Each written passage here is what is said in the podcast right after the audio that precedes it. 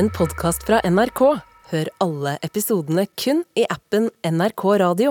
Det du skal få høre nå, er ikke en debatt om skjermbrett til små elever eller eh, digitalisering av skolen. Det kunne vi for så vidt ha hatt. Men det som eh, jo igangsatte ordskiftet i denne runden, og som også vekte vår nysgjerrighet, var Fredrik Øystad, læreren i Østfold, som da eh, oppdaget at hans elever i første videregående brukte nesten en hel arbeidsuke på telefonen. Det har egentlig igangsatt en uh, stor debatt som Maja Lunde og Nikolai Astrup med flere har meldt seg på. Og vi tenkte dette er et godt tema, fordi vi alle vel, så godt som alle, går og bærer på en, kanskje en dårlig samvittighet for det samme. Nemlig at vi bruker for mye tid på mobilen.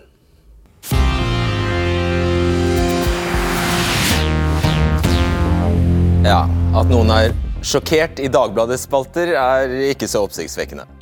Men denne gangen var det flere som stoppet opp fordi lærer Fredrik Øyestad i Østfold fortalte at førsteklasseelevene på videregående han underviser, i snitt brukte 6 timer og 29 minutter hver dag på mobilen. Altså 45,5 timer i uka. Og da 15-16-åringene hans skulle fortelle om en ubehagelig opplevelse på sosiale medier, så sa de ifølge tv2.no at de hadde sett eh, alt fra halshugging, drapsvideoer, en fyr som kappet hodet av kona og gikk rundt mens han holdt i hodet, et selvmord og en katt som falt ned fem etasjer på et kjøpesenter. Det bør settes en aldersgrense for sosiale medier, og det bør innføres mobilforbud på skolene, skrev stortingsrepresentant Nikolai Astrup fra Høyre i en ytring på nrk.no i går. Det er du imot, eh, Mille Sofie Bjerknes? Det er jeg. Du er 18 år, går i tredje klasse på Hetland videregående skole i Stavanger. Og du kaller dette forslaget til Astrup rett og slett farlig. Det må du forklare. Ja, altså, jeg synes rett og slett at Forslaget blir litt for dumt. Fordi verden blir bare mer og mer digital. Og om man forbyr sosiale medier, så forbyr man jo heller ikke internett, som gjerne er de plassene man finner disse veldig ubehagelige videoene på det mørke nettet. Og da mener jeg heller at unge fortjener god opplæring og gode ressurser for å håndtere den digitale verden, heller bare å tro at et forbud kommer til å gjøre at vi får det bedre. Så det er farlig, fordi da lærer man ikke man får ingen opplæring og ingen kunnskap, og jeg tror at kunnskap er den eneste veien å gå når resten av verden er så digital. Nettopp. Du har allerede introdusert Nikolai Astrup. Du viste til eh, selv i din tekst på NRK Ytring at til lærer Fredrik Øystad, og du listet opp en hel rekke ting du mener eh, er galt med internett, og bl.a. Eh, innhold som er ment for voksne, men som barn kommer i besittelse av. Da. Sprittaxien nevnte du, langeren på hjørnet og pedofile. Bare for å dra på litt. Men, og da ender egentlig teksten din med en ja, du ber om et forbud på skolene for mobiltelefoner, og en 16 års aldersgrense på sosiale medier. Ja, og Jeg er jo for øh, at vi skal få digital kompetanse i skolen, og at elevene skal lære seg å beherske dette universet. Men utfordringen med sosiale medier er at de ikke er laget for barn, og de har innhold som ikke er laget for barn. Det må vi snart ta konsekvensen av. Og Jeg har fått så utrolig mange tilbakemeldinger fra foreldre i det ganske land de siste døgnet som kjenner på en avmakt i møte med sosiale medier. De, de vet at selvregulering for barna fungerer ikke. Selvregulering i foreldregruppen fungerer heller ikke. Eh, og de ønsker seg at eh, nå myndighetene kommer på banen. og Jeg mener det er på tide at vi tar den debatten. Og Noe av det aller viktigste kanskje, som jeg synes med det forslaget, er ikke om du setter grensen på 16 år eller 15 år, eller hva det skal være, men at det er en reell alderskontroll, en verifisering av alderen. fordi disse halshuggingene som du nevnte, selvmord, Eh, eh, mennesker som har spiseforstyrrelser, som oppsøker innhold som forsterker det problemet. Det er barn ned i 8-9-årsalderen som er på disse sosiale plattformene. Det er helt åpenbart at dette innholdet ikke er for dem, og det er derfor viktig at vi nå tar affære. Hva sier du til? Altså, jeg mener jo selvfølgelig at barn på ni år har ingenting på sånne plasser å gjøre. Men altså, hvis man skal sette en aldersgrense på sosiale medier, så må man jo òg sette en aldersgrense på in eh, internett. Og det går jo absolutt ikke an. Og f.eks. overgripere og smug, altså folk som selv og sånne type ting finnes på internett generelt, ikke bare på sosiale medier. Og da mener jeg nok en gang at da er det bedre at barn og unge får den gode kunnskapen de fortjener, heller enn et forbud. Og så mener jeg også at en barn i 13-14-15-årsalderen er mer kompetente til å være på sosiale medier enn de som er ni år og går på barneskolen. og Da er det bedre at de heller får god opplæring og heller kan bruke sosiale medier på gode, trygge måter som de er ment å bli brukt på. Og hvis de ikke har foreldre som passer på, da? Jeg mener at skolen skal være på banen med denne gode opplæringen som er veldig viktig for barn å få. Det, jeg har ikke noe hensikt til å forby internett, i det hele tatt, men det er en stor forskjell på det å aktivt oppsøke den type innhold som du må hvis du søker på internett, og det å få det servert lett tilgjengelig gjennom algoritmer som da gir deg mer av det som er skadelig for deg, hvis du først har begynt å søke på noe som ikke er bra. Og det Vi så jo en reportasje på NRK fra TikTok, hvor unge gutter nede i 8-9-årsalderen som søkte på store muskler og hvordan skal jeg bli veltrent og mindre feit, de fikk altså opp en forferdelig feed som da forsterket problemet deres, og mange av dem har senvirkninger den dag i dag. Det er noe vi må beskytte barna mot, og det er på tide at vi tar den debatten. For det første så er jeg jo helt enig i at 8-9-åringer har ingenting å gjøre på TikTok. og Det er derfor også TikTok har en 13-årsgrense. Men det som jeg synes er aller viktigst... Men den er det ingen som forholder seg til. Da det er foreldre, synes jeg at foreldre har et ansvar til å følge litt med på eh, barna sine, sine telefoner, og kanskje ikke trenger å gi en smarttelefon eh, til en eh, niår- eller åtteåring. Men jeg synes det aller viktigste da er jo at vi fokuserer på dette med opplæring og skolering av de som faktisk skal bruke disse sosiale mediene. For på skolen i dag så lærer man veldig mye om algoritmer. Man lærer om hvordan man skal bruke nettet. Og det er det som er det viktigste. at det, en 13-åring som er på sosiale medier, er klar over algoritmen. selvfølgelig, sånn at Hvis de får opp veldig mye som er skadelig innhold, så vet de selv, ok, jeg bør nå trykke 'ikke interessert' på TikTok, for da vet jeg at algoritmene endrer seg. Mine algoritmer ser jo ikke sånn ut, for jeg har aktivt gått imot negativt innhold på mine TikTok-algoritmer f.eks. Dette er veldig lett å si, men vi snakker altså om små barn som ikke har den evnen til å resonnere rundt hva de skal trykke på, ikke trykke på, søke på, ikke søke på. Det er ekstremt lett tilgjengelig. Og det er dessverre sånn at selv om det er en 13 års aldersgrense, så er den veldig veldig lett å omgå. og Veldig mange har disse sosiale mediene, og det skaper et gruppepress som også foreldregruppen har problemer med å forholde seg til. og det, det, er en dilemma som foreldre står i. Det er veldig enkelt å si at ja, kan vi ikke bare slutte å gi dem smarttelefon? Jeg prøvde å si det for noen år siden. Eh, det fungerte ikke for min egen del heller. Eh, og hva skal vi med sosiale medier for eh, små barn? Det fungerte heller ikke for min del. Så det er mye vanskeligere enn man tror, og jeg tror det er mange som kjenner på disse dilemmaene. Men nok en gang så mener jeg da at foreldre og skole må komme på banen. Si for En skole kan jo bli enige om at på vår barneskole så har ikke vi sosiale medier. Det er noe FAU sammen kan bli enige om. Men til slutt så mener jeg jo at staten skal ikke gå inn og detaljregulere alle sitt liv. For det kommer ned til er det statens ansvar å bestemme hva hvert eneste barn gjør. Jeg mener personlig at det, det bør være opp til familiene å selv bestemme over egne barn. At vi selv skal ha friheten til å ta sånne avgjørelser. Og at en politiker i Oslo ikke skal bestemme hva hver familie resten av landet skal gjøre. Jeg vil bare si at jeg er helt enig med deg at staten ikke skal gå inn og regulere alt mulig. Men dette forslaget er jo å regulere Men det vi snakker om nå, det er barn.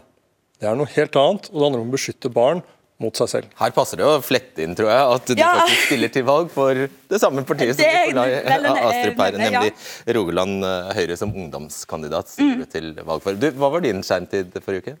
Det er flaut å si. Jeg hadde ti timer i snitt om dagen. Oi, Det er mye. Det er veldig mye, men så bruker jeg telefonen til veldig mye både innenfor uh, underholdning, sosiale medier, få kontakt med alle vennene mine, alle gruppechatter med vennene mine, planlegge hva vi skal gjøre på helgen.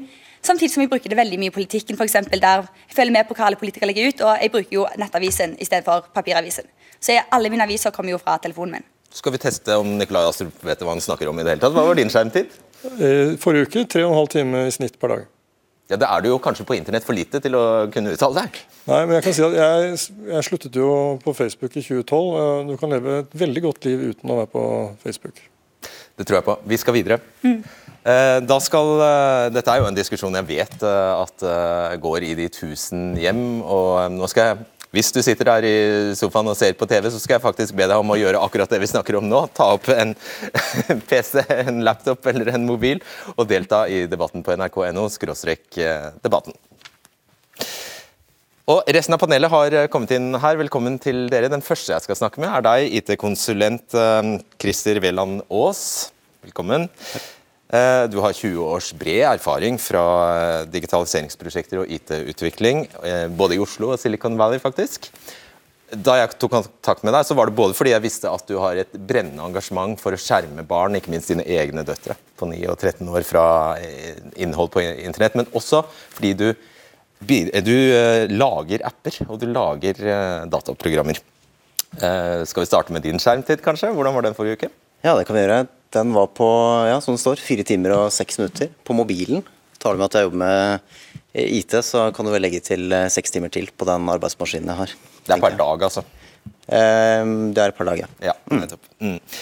Og så har du installert et verktøy på din mobil som viser, eh, ja, den viser hvor mye data du, dine apper deler. Og Her kan vi Ja. se at forrige uke så eh, delte dine apper 170 000. Her står det 'queries', det er engelsk, men vi har oversatt det til eh, hva har vi oversatt det til? spørringer. Ja, eller datautveksling, kan du si. da. Okay. Med, ja, med appene. Hva betyr det tallet? der? Eh, Det tallet, prøve å forklare det enkelt. Eh, Det er delvis vanlig besøk, eh, altså det du forventer å få når du går inn i en app. Det er innholdet du ser. Det er også en del, veldig mye som skjer bak appen. Det kan være ting som at du kjører rundt med bilen din, det kan være geolokasjoner, det kan være søvntracking-appen din som sender signaler og data. Det er også mye atferdsmålinger som vi bruker aktivt i IT-bransjen. Til alt vi gjør, egentlig. Gi et Eh, eksempel på det, da. skal jeg gi et eksempel på det? Ja, Vi eh, måler jo aktivt at eh, det vi gjør gir nytteverdi. Da. Vi er faktisk veldig opptatt av å gi nytteverdi i IT-bransjen. Um, og at um, ja, Eksempler på det kan være at vi, vi sporer eh, hvordan du eh, kommer deg rundt på nettstedene, f.eks. Om du finner fram det du skal, om du får gjennomført kjøpene dine. Og legger til rette best mulig brukeropplevelse. Og Her ser vi dette røde tallet. Det er 15 500. Det, det er blokkerte spørringer, men her tror jeg det handler om reklame, for ditt filter vil ikke ha reklame. eller er det sånn? Ja, jeg eh, gjør jo dette litt for å lære om eh, min egen, min egen atferd. eh, og bli mer klar over hva som skjer på dingsene mine. Men dette er jo mye sporingsdata da, som, som går på reklamebransjen og på de nettverkene som brukes av appene. Skjønner. Ok, Så du, dette er én uke på en vanlig mobil. Ja, det er riktig. Og alt dette foregår i bakgrunnen. Du har jo, vet jo ikke nøyaktig hva som skjer her. Nei, det gjør jeg ikke. Vi, jeg tror eh, det er kledelig av oss å bruke oss selv, NRK, som eksempel når vi skal videre her. Fordi eh, hvis man skal bruke nrk.no, så må man eh, Man må ikke, men man kan godta informasjonskapsler. Eller cookies, da. Ja. Hva er det som skjer da? Eh, cookies er jo én ting, men, men eh, når du besøker nettstedet, så eh, Altså, du får jo innholdet, du får farge, video, grafikk osv., men så begynner du å bruke innholdet. Eh, det vil si at du begynner å scrolle på siden, du klikker kanskje på play på en video. Eh, du gjør ulike ting. Eh, og alt det sier jo også dere på nettsidene til NRK at dere måler. Dere bruker bl.a. Google Analytics til å måle atferden. Bl.a. for å gi en bedre tjeneste. Det er et av argumentene. Men det brukes også for å måle verdien og nytteverdi og andre parametere. appene Jeg vet at NRK gjør det for å få flere lesere, f.eks. For for eksempel, ja. Og forhåpentligvis så selger ikke NRK disse dataene videre til Google og Facebook. Nei, det håper ikke jeg heller. Forhåpentligvis. eh, Det får andre ta seg av. Ja. Denne, denne datainnsamlingen, det, alt, alt vi har forklart til nå, det virker jo for så vidt kanskje greit, vil mange si. Når blir det ikke greit? Um, Det blir kanskje ikke greit når, ehm, når eh, du opplever at, eh, at andre apper du kanskje ikke bruker så ofte, begynner å, å vite mye om det du har gjort andre steder. Eh, Et eksempel på det kan jo være at du La oss ta et vanlig eksempel fra en vanlig butikk. Du går inn og handler, og så sitter noen notert hva du gjorde i den butikken. Her kommer det en mann som meg inn i butikken. Han kikker på de og de plaggene. Han, hvor lenge står han og kikker på plaggene? Kanskje han går i prøverommet, prøver et plagg. Og til slutt så går man i kassa da, og får, en, eh, får kanskje en suksessfull handel der. Eh, Hvis du da får akkurat den samme kjøpsopplevelsen, eller kanskje en forbedret kjøpsopplevelse neste gang du er på, i Frankrike i en butikk, så har det kanskje gått litt langt. Jeg tror vi skjønner hva du Ja. mener. altså At det sitter et menneske omtrent på hver hylle. Riktig. Du går forbi butikken og følger med på det og noterer. Vi må eh, litt raskt videre, men det er no, en funksjon i de fleste nettlesere som heter incognito. Jeg tipper de mange bruker denne funksjonen når de skal gjøre noe på internett de absolutt ikke vil at noen andre skal vite om. Hvor sikre kan de være på det? Eh, ikke så veldig sikre, vil jeg si. Eh, inkognito, eh, tenker jeg, er, eh, er egentlig at du bare får hjelp til å logge deg ut av tjenestene dine. Du starter litt på scratch, men du blir fortsatt sporet på IP-adresser, og du, eh, idet du begynner å bruke tjenestene, så er du på en måte like langt. Ok, Og eh, appene har vi skjønt nå, de kan dele det meste om deg til hverandre. Man har ikke kontroll på hvem de deler hva. Både ja og, ja og nei. Altså, de deles mye anonyme data. Uh, Atferdsdata som samles og aggregeres. Eh, men, eh, men det er regler og reguleringer for deling også. Ja. Christer, nå skal jeg ha bedt dere om lov, og alle har sagt det er, er greit. Her, eh, hvis jeg nå tar en, en eh, snap-video av oss to, som eh, Se her, sånn ser det ut bak eh, kamera. Se, så gøy er det å jobbe i debatten. Uff, det så ikke noe gøy ut. Se her. Sånn. Jeg vil at denne videoen skal bli bare mellom deg og meg, Christer. Eh, og jeg kan for så vidt følge med på om du skjermdumper, eller om du tar, eh, om du tar opp eh, videoen. Det kan jeg få vite. Men hvor sikker kan jeg være på at denne blir mellom deg og meg? Altså, utgangspunktet, Hvis du deler dette på sosiale medier, så vil jeg tenke at uh, dette vil det være mange som kan få innsyn i på et eller annet tidspunkt. Ja. ja. Hørte det? Vær klar over det. Eh, vi skal se om vi rekker å komme innom de store fem eh, etter hvert, men jeg sier foreløpig takk til deg. Eh, Magnus Hoem Iversen, du er eh, medieviter og har doktorgrad i medievitenskap. Har også skrevet bok om sosiale medier, og for ordens skyld skal legge til at eh, nå er du rådgiver for byrådslederen i Bergen for Arbeiderpartiet. Helt underordnet uh, i denne sammenheng. Moralsk panikk kalte du det da Astrup skrev at han ville ha både forbud og aldersgrense. Hvorfor det? Ja, det var min første reaksjon. Og eh, kanskje mer enn moralsk panikk, så tenker jeg at det blir symbolpolitikk, da. Fordi det jeg tror blir problemet her, er at intensjonen er god, men så løser det ikke det problemet som det er tenkt å løse. da. Jeg tror det tar en gjennomsnittlig norsk 14-åring veldig kort tid, veldig få minutter, å liksom komme seg rundt en sånn aldersgrense på sosiale medier. De kommer jo allerede rundt aldersgrensene på TikTok i dag, f.eks. For, eksempel, for å nevne noe. Så da er det bare å gi opp, da? eller? Nei, vi skal selvfølgelig ikke gi opp. Men, eh, og jeg kan godt forstå bekymringen eh, som foreldre har. eh, Foreldre sjøl. Jeg forstår godt den bekymringen. Men det jeg tror at foreldre trenger, er kanskje ikke skremmebilder, og de er det litt mange av i Astrup sin tekst. Eh, At vi blir avhengige, det stemmer ikke. Det finnes ingen anerkjent avhengighetsdiagnose på sosiale medier, f.eks. Eller at vi blir deprimerte. Det stemmer heller ikke. Det har man prøvd å påvise i forskning i ti år. Man klarer ikke helt det. Så jeg tenker kanskje at den intense fokuset på skjermtid og den type ting, jeg er usikker på om det er veien å begynne. Jeg er veldig enig med min eh, sidekvinne her om at man må snakke sammen. Man må liksom, foreldrene må på banen, og skolen må på banen. Men jeg vet ikke om den praten skal begynne med at man tar bort det ungen holder på med. Da får man en konflikt inn i hjemmet, eh, og kanskje ikke den gode praten som vi trenger for å komme videre. Vi bare samler opp litt, uh, Astrup, så kommer du til snart. Solveig Bagle Bjerknes, velkommen hit. Du er 18 år og avgangselev eh, ved Nydalen eh, videregående skole i Oslo. Og du gir tommel opp for en eh, aldersgrense. Hvorfor det? Nei, altså jeg syns i og for seg det her er det motsatte av symbolpolitikk. Jeg syns det er, har en effektiv eh, virkning, eh, hvor man faktisk kan regulere barns eh, atferd på sosiale medier. Eh, jeg har jo vokst opp selv, eh, jeg er jo samme årskull, eh, vi to. Og jeg har jo vokst opp med sosiale medier eh, fra veldig tidlig barndom, føler jeg selv. Og jeg syns at dette har vært et veldig stort minus i min barndom. Føler at jeg har gått glipp av veldig mange av de vanlige barndomstingene som man egentlig skal få oppleve. Og så er det eh, sikkert ja, mye med datateknikk og sånn som jeg burde stresse meg over, men jeg har kjent mer på det sosiale, at liksom det påvirkes veldig av sosiale medier. Eh, Du har skrevet en eh, kronikk på NRK Ytring om dette, der du, der du skriver at du faktisk har fått barndommen frastjålet pga. sosiale medier. Gi oss et eksempel på hva du har gått glipp av, av ting du ikke husker pga. sosiale medier. Altså følelsen, Heller en ting jeg ikke husker, så er det vel kanskje det at eh, den følelsen som mange forbinder med barndom av å være bekymringsfri og generelt fri, den har ikke jeg hatt på samme måte. Og Det er fordi når vi har sittet på bursdagsfester, så har det vært eh, ja, 50-90% av rommet har sittet med en annen samtale på et annet sted og ikke fulgt med på det I telefonen. ja.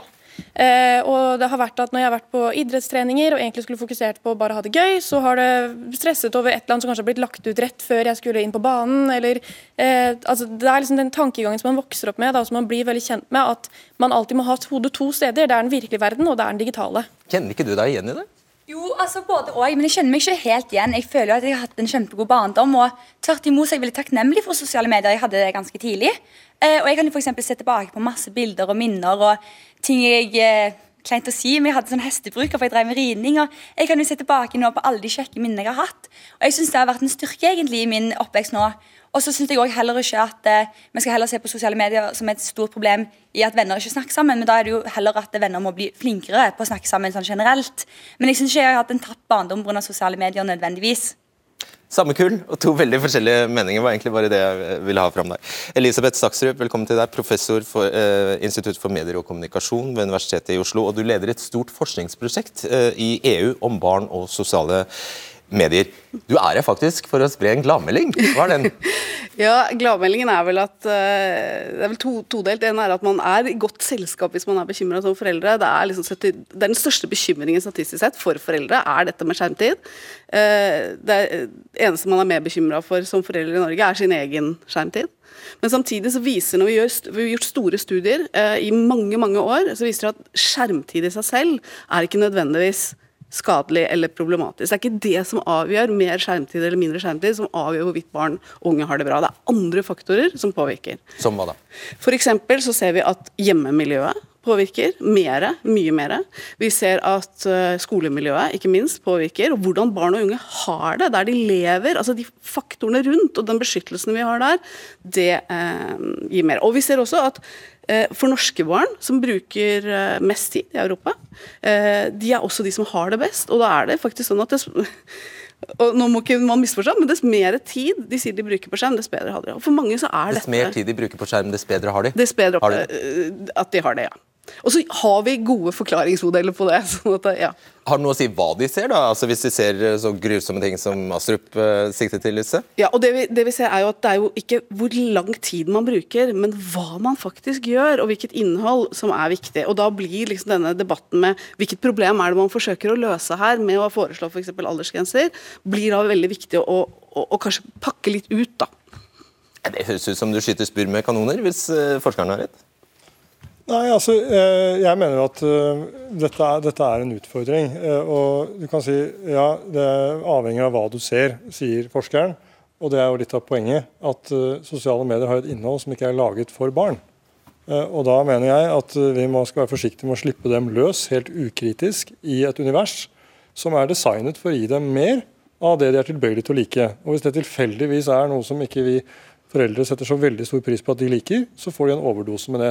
Det er klart at det, det har en konsekvens. Og så er er vi, der at dette er nå et gedigent eksperiment med en hel generasjon i praksis, hvor de skal vokse opp på en helt annen måte enn det alle de litt eldre i dette rommet har gjort. Eh, og vi vet ikke hva utfallet av det er. Men eh, vi ser jo nå de som, barna til de som lager disse appene i eh, Silicon Valley, de får jo ikke smarttelefon eh, og får ikke lov å være på sosiale medier og får ikke lov å bruke produktene som foreldrene deres har utviklet. Så her har det kommet en, eh, et tilbakeslag si, for den digitale ferden. Og jeg mener at Poenget er mitt egentlig at vi trenger en debatt om dette. Og jeg mener vi trenger en debatt også om reguleringer og aldersgrenser. Så jo, men poenget er, Det er ikke på en måte mine forslag eller ikke eller ingenting. Poenget er at vi må nå snakke om regulering og være åpne for at dette kan være et problem og at mange opplever at det er et problem, og at det må gjøres noe. Vi er jo så, eh, tenkte å ta runden, men vi må, siden vi er så heldige å ha en lokal representant fra Silicon Valley her, da, også, som både er forelder og, og app-lager eh, hva er ditt, hva er din, har, Jeg vet du har tre veldig enkle anbefalinger når det gjelder eh, hva, hva bør gjøres her nå. Ja, Hvis vi går rett til anbefalingene, så er det um, altså I utgangspunktet vi må ta mer kontroll og være bevisst på hva vi bruker tiden på. Det går på innholdet. Eh, jeg stusser litt på det man sier om innholdet. og Så står vi i en debatt også som gjelder om aldersbegrensninger. Altså Jeg har snakket med Medietilsynet også. Vi er veldig opptatt av alle andre skjermer, men ikke de digitale dingsene.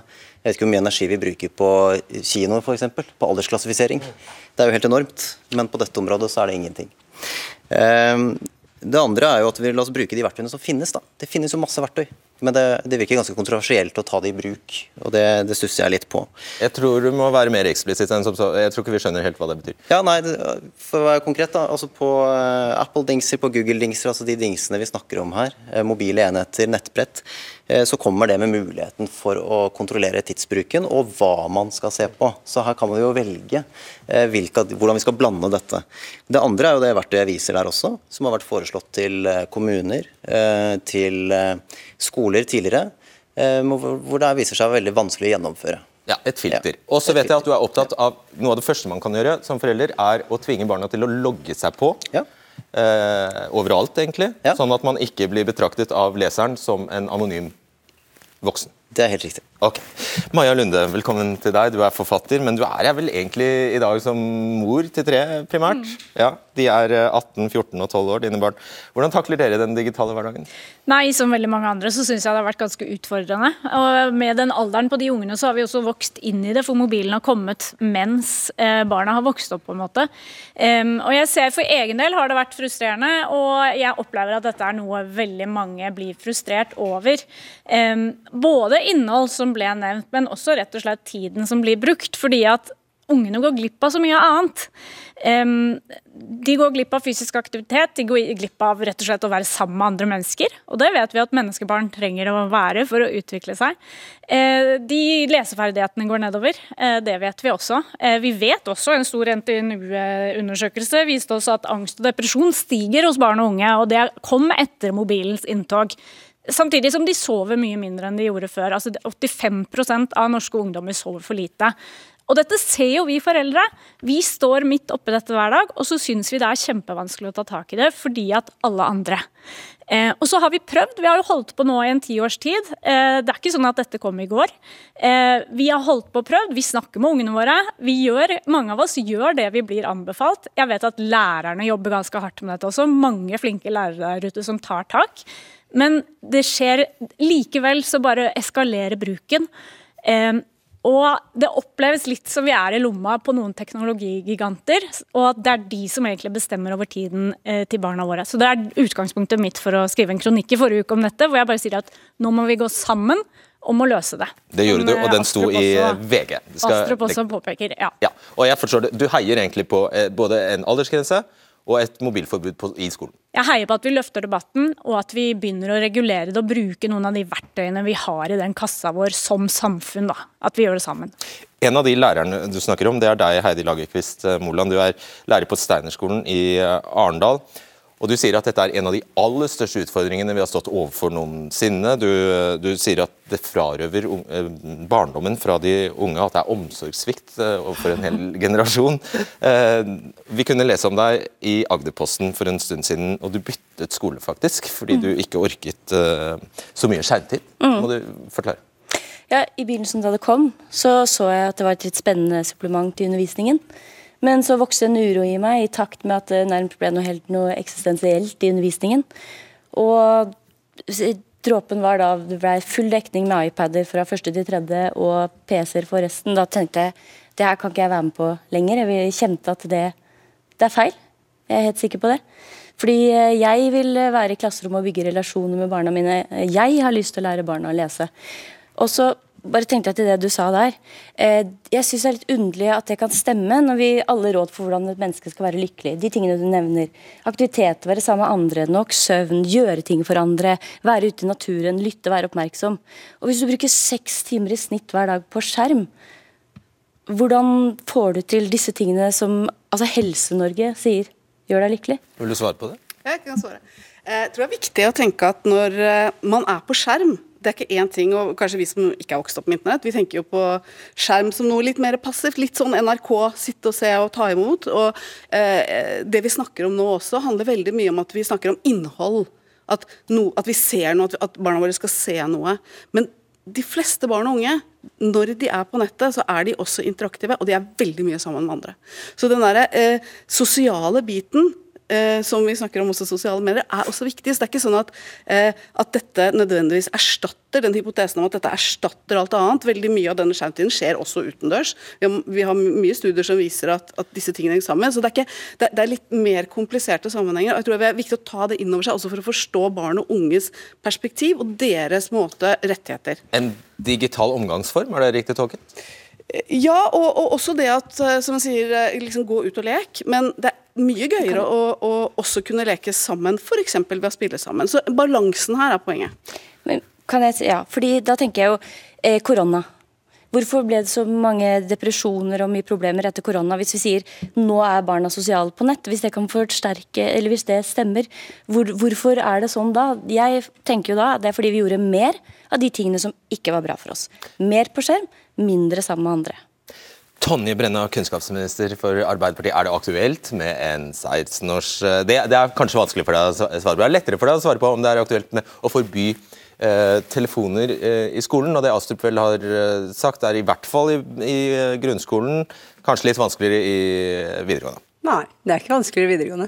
Og en skole som i dag vurderer at eh, mobilbruk er et problem på skolen, kan regulere det og si at her på skolen bruker vi ikke telefon. Så det kan skolene ta i bruk hvis de mener det er viktig. Så tror jeg jo at vi må ta inn over oss at dette er enorme samfunnsomveltninger som skjer, som flere beskriver veldig godt, mellom generasjoner, egentlig. Og av og til når jeg liksom tenker at dette er veldig deprimerende, så må vi også huske på at eh, sannsynligvis så vil vi jo klare å være klokere i vår bruk med skjermer og dingser og sosiale medier en eller annen gang der i framtida. Det tror jeg jo etter hvert som vi blir mer vant til det.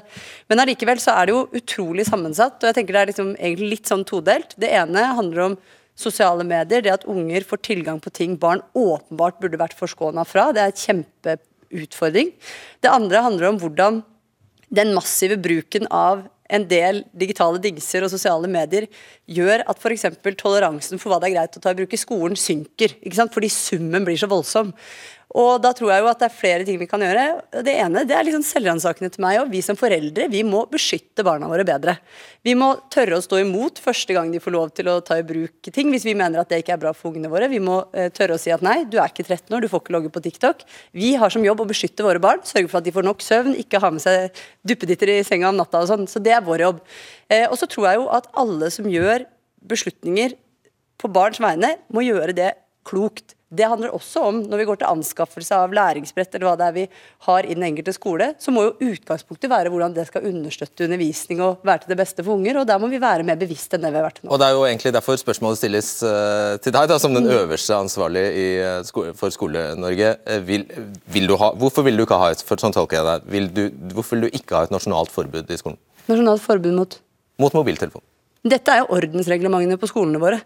Altså, Man må jo ta utgangspunkt i hva som er problemet på den enkelte skole, og regulere ut ifra det. Det er sånn vi styrer alt i skolen, egentlig. Det er helt opp til den enkelte skole. Og jeg tror jo at uh, ganske mange ting vi regulerer hardt fra de voksne, blir mer interessant for barn og unge. Så det å ta utgangspunkt i situasjonen på det enkelte sted, det, det tror jeg er viktig. Men veldig mange skoler også har jo dette strengt regulert allerede. Sier at når du kommer hit, så låser du mobilen inn i et nøkkel. Når du går igjen, så får du den med deg. Men min oppfordring er jo til alle rektorer, lærere, foreldre som er engasjert i dette der ute. Ta det opp på skolen, ha en ordentlig god diskusjon om det. Og regulert strengere hvis det er behov for det. Det er sunt for ungene våre. Holder det, Moland? Nei, skolen må jo være et fristed for barna, tenker jeg. Et sted du slipper å bli eh, filma. Når du har så mange timer i sum ellers, så kan i hvert fall skolen da, være med på å få ned skjermbruken. Og jeg er veldig opptatt av at eh, FNs barnekonvensjon den sier jo det at barn den er faktisk krav å være skåna fra skadelig innhold. Eh, og jeg skjønner ikke hvordan det kan være forenlig med det. Og det sier også skolens etiske plattform at eh, vi, eh, vi, er opptatt av. Og hvordan kan det være forenlig med det, hvis vi skal ha mobilene sine på, i skoletiden? De trenger den jo ikke, det er jo bare en distraksjon. De vil ikke snakke med hverandre, se på hverandre, møte blikket til hverandre. Nei, det har vi jo mulighet til ved å ikke bruke mobilen i skoletiden. Det er jeg helt enig. Og hvis det er det riktige å gjøre på den enkelte skole, så må man gjøre det. Men jeg mener også at vi må, eh, vi må samarbeide om dette. Den, den, mobiltelefonen er det jo ikke skolen som har kjøpt til den eleven. Den har jo noen vært med på å skaffe hjemmefra, bifalt at ble med i sekken, ble med på skolen.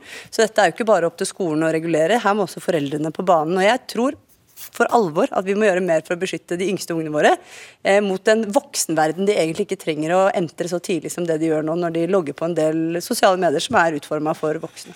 Din skole, vet jeg, din ungdomsskole var faktisk eh, mobilfri. Ja. Eh, hvordan gikk det? Mobilfri ungdomsskole finnes ikke med mindre man faktisk låser den inn i et skap. og Det gjorde de ikke på vår skole. Som betyr i praksis at eh, med en gang læreren går ut av klasserommet, eller når man går på do eller man sitter på grupperom for å jobbe, så er det ingen som kan forhindre telefonbruk i timen. Og eh, Nå går jeg på videregående, og jeg skal ikke si at det er noe bra, men folk sitter jo litt med telefonen i fanget, eller setter den opp mot PC-skjermen hvis de kjeder seg. I timen, liksom? I timen, dessverre. Og det er jo absolutt ikke bra. Men da er det bedre at, for at lærere og skolen selv kan bestemme hva type regulering som skal finnes på skolen. Og det er jeg helt enig med Tonje Brenna her. at eh, Nikolai Astrup skal ikke som eh, politiker komme og bestemme hva hver enkelt lærer, hva hver enkelt skole skal gjøre i skolen. Og da mener jeg at det, det bør være opp til den enkelte, det bør være opp til de som er nærme elevene. Og det er skolen, og det er foreldrene. Sarkort. Ja, Det er jo et klassisk Høyre-standpunkt. Eh, så i og for seg er jeg enig i det. Men og jeg skrev også i min kronikk at eh, det er underordnet for meg om det er skolen, kommunen som skoleeier, eller, eller om det er staten som regulerer dette. Poenget mitt er at mobiltelefonen har ingenting i skoletiden å gjøre. I hvert fall ikke på barneskolen. og heller ikke på ungdomsskolen. Men det stemmer ikke Og helt, fordi at det, vi vet også en del om uh, hvor distrahert vi blir. Bare se på oss, oss selv, voksne, av den telefonen. Hvor ofte vi sjekker den. Dette er gjort forskning på. Eh, hvor dårlig vi har blitt til å konsentrere oss. Hvor dårlig vi voksne også har blitt til å lese. At vi skal påføre våre barn den type vaner, og i tillegg ta fra dem leken i frikvarterene. Ja. Og isteden skal sitte og se ned i skjermen. Som foreldre til tre barn, eh, far til tre barn, så vil jeg ikke ha det. Eh, Som politiker så kan jeg diskutere ulike løsninger, men som far, jeg vil ikke ha det. Hvordan er det på Nydalen? Eh, På Nydalen så er det mobilene er framme, absolutt, og de brukes aktivt. Eh, Men eh, det er ikke den verste. altså Ungdomsskolen jeg gikk på, der fikk vi internettpassordet til skolen. Som gjorde at i hvert fall i en ungdomsskolealder så ble det mye brukt da, i friminuttene. Og så kan jeg også si at Noe av problemet i hvert fall på videregående nivå, med å skulle lokalt regulere mobilbruken, er at jeg hører med en gang at videregående skole i Oslo da kommer det til å bli en grunn til å søke visse skoler, for vi har fritt skolevalg i Oslo. Og Det kommer til å bli at elever søker til skoler eh, som har åpne mobiler, og da blir det en måte å tiltrekke seg elever på. Nei, altså, jeg tror dette handler litt om balanse. da, og jeg tenker at eh, Du nevner i sted Astrup, at sant, det skal bli fullt frislipp og fullstendig inferno, men jeg tror ingen her egentlig mener at det skal skje. Så jeg er selvfølgelig veldig glad for at vi står og har denne debatten, men jeg tror kanskje at hvis vi begynner med det at vi skal ta bort eh, altså Hvis du rykker iPaden ut av nevene til ungen i heimen, da, så begynner du på en måte med en konflikt. Da begynner du med en hylende unge, og du får ikke vite noe som forelder om hva den ungen opplevde eller syntes var kjekt eller ikke. Så vi skal liksom ruste barna til å takle nett bra, eh, lære seg hva slags situasjoner kan de bli sårbare i, hva, når bør de si fra til en voksen, så må man begynne å ha den praten. Da. Og Det er mye mer vanskelig og forpliktende enn å sette på en måte et filter og en blokk. Det kan godt være man skal bruke det òg, men det er den der gode praten da, vi Og nå driver ikke du og utsteder en grusom dom over de foreldrene som kommer med hjertesukk her, ikke sant? På ingen måte. Nei, Jeg- det- det- Jeg, jeg er sånn. selvfølgelig helt enig Ja. i dette. Man må jo snakke sammen om disse tingene. Men vi snakker, altså Forrige uke kom det frem at barn ned i 7-8-årsalderen selger nakenbilder av seg selv på Snapchat. Vi trenger noe mer enn prat også. Maja Lunde, hvordan, hva gjør dere helt konkret? Hvordan snakker du med dine, dine barn? Eh, nei, Vi snakker mye om dette. Til det kjedsommelige, tror jeg de syns av og til. Eh, og så bruker vi, bruker vi altså screentime-appene. Eh, jeg bruker det til og med på meg selv. Eh, jeg, er selv avhengig av internett og mobiltelefonen, og jeg vet at for å skulle klare å skrive bøker, så er jeg nødt til å regulere meg selv.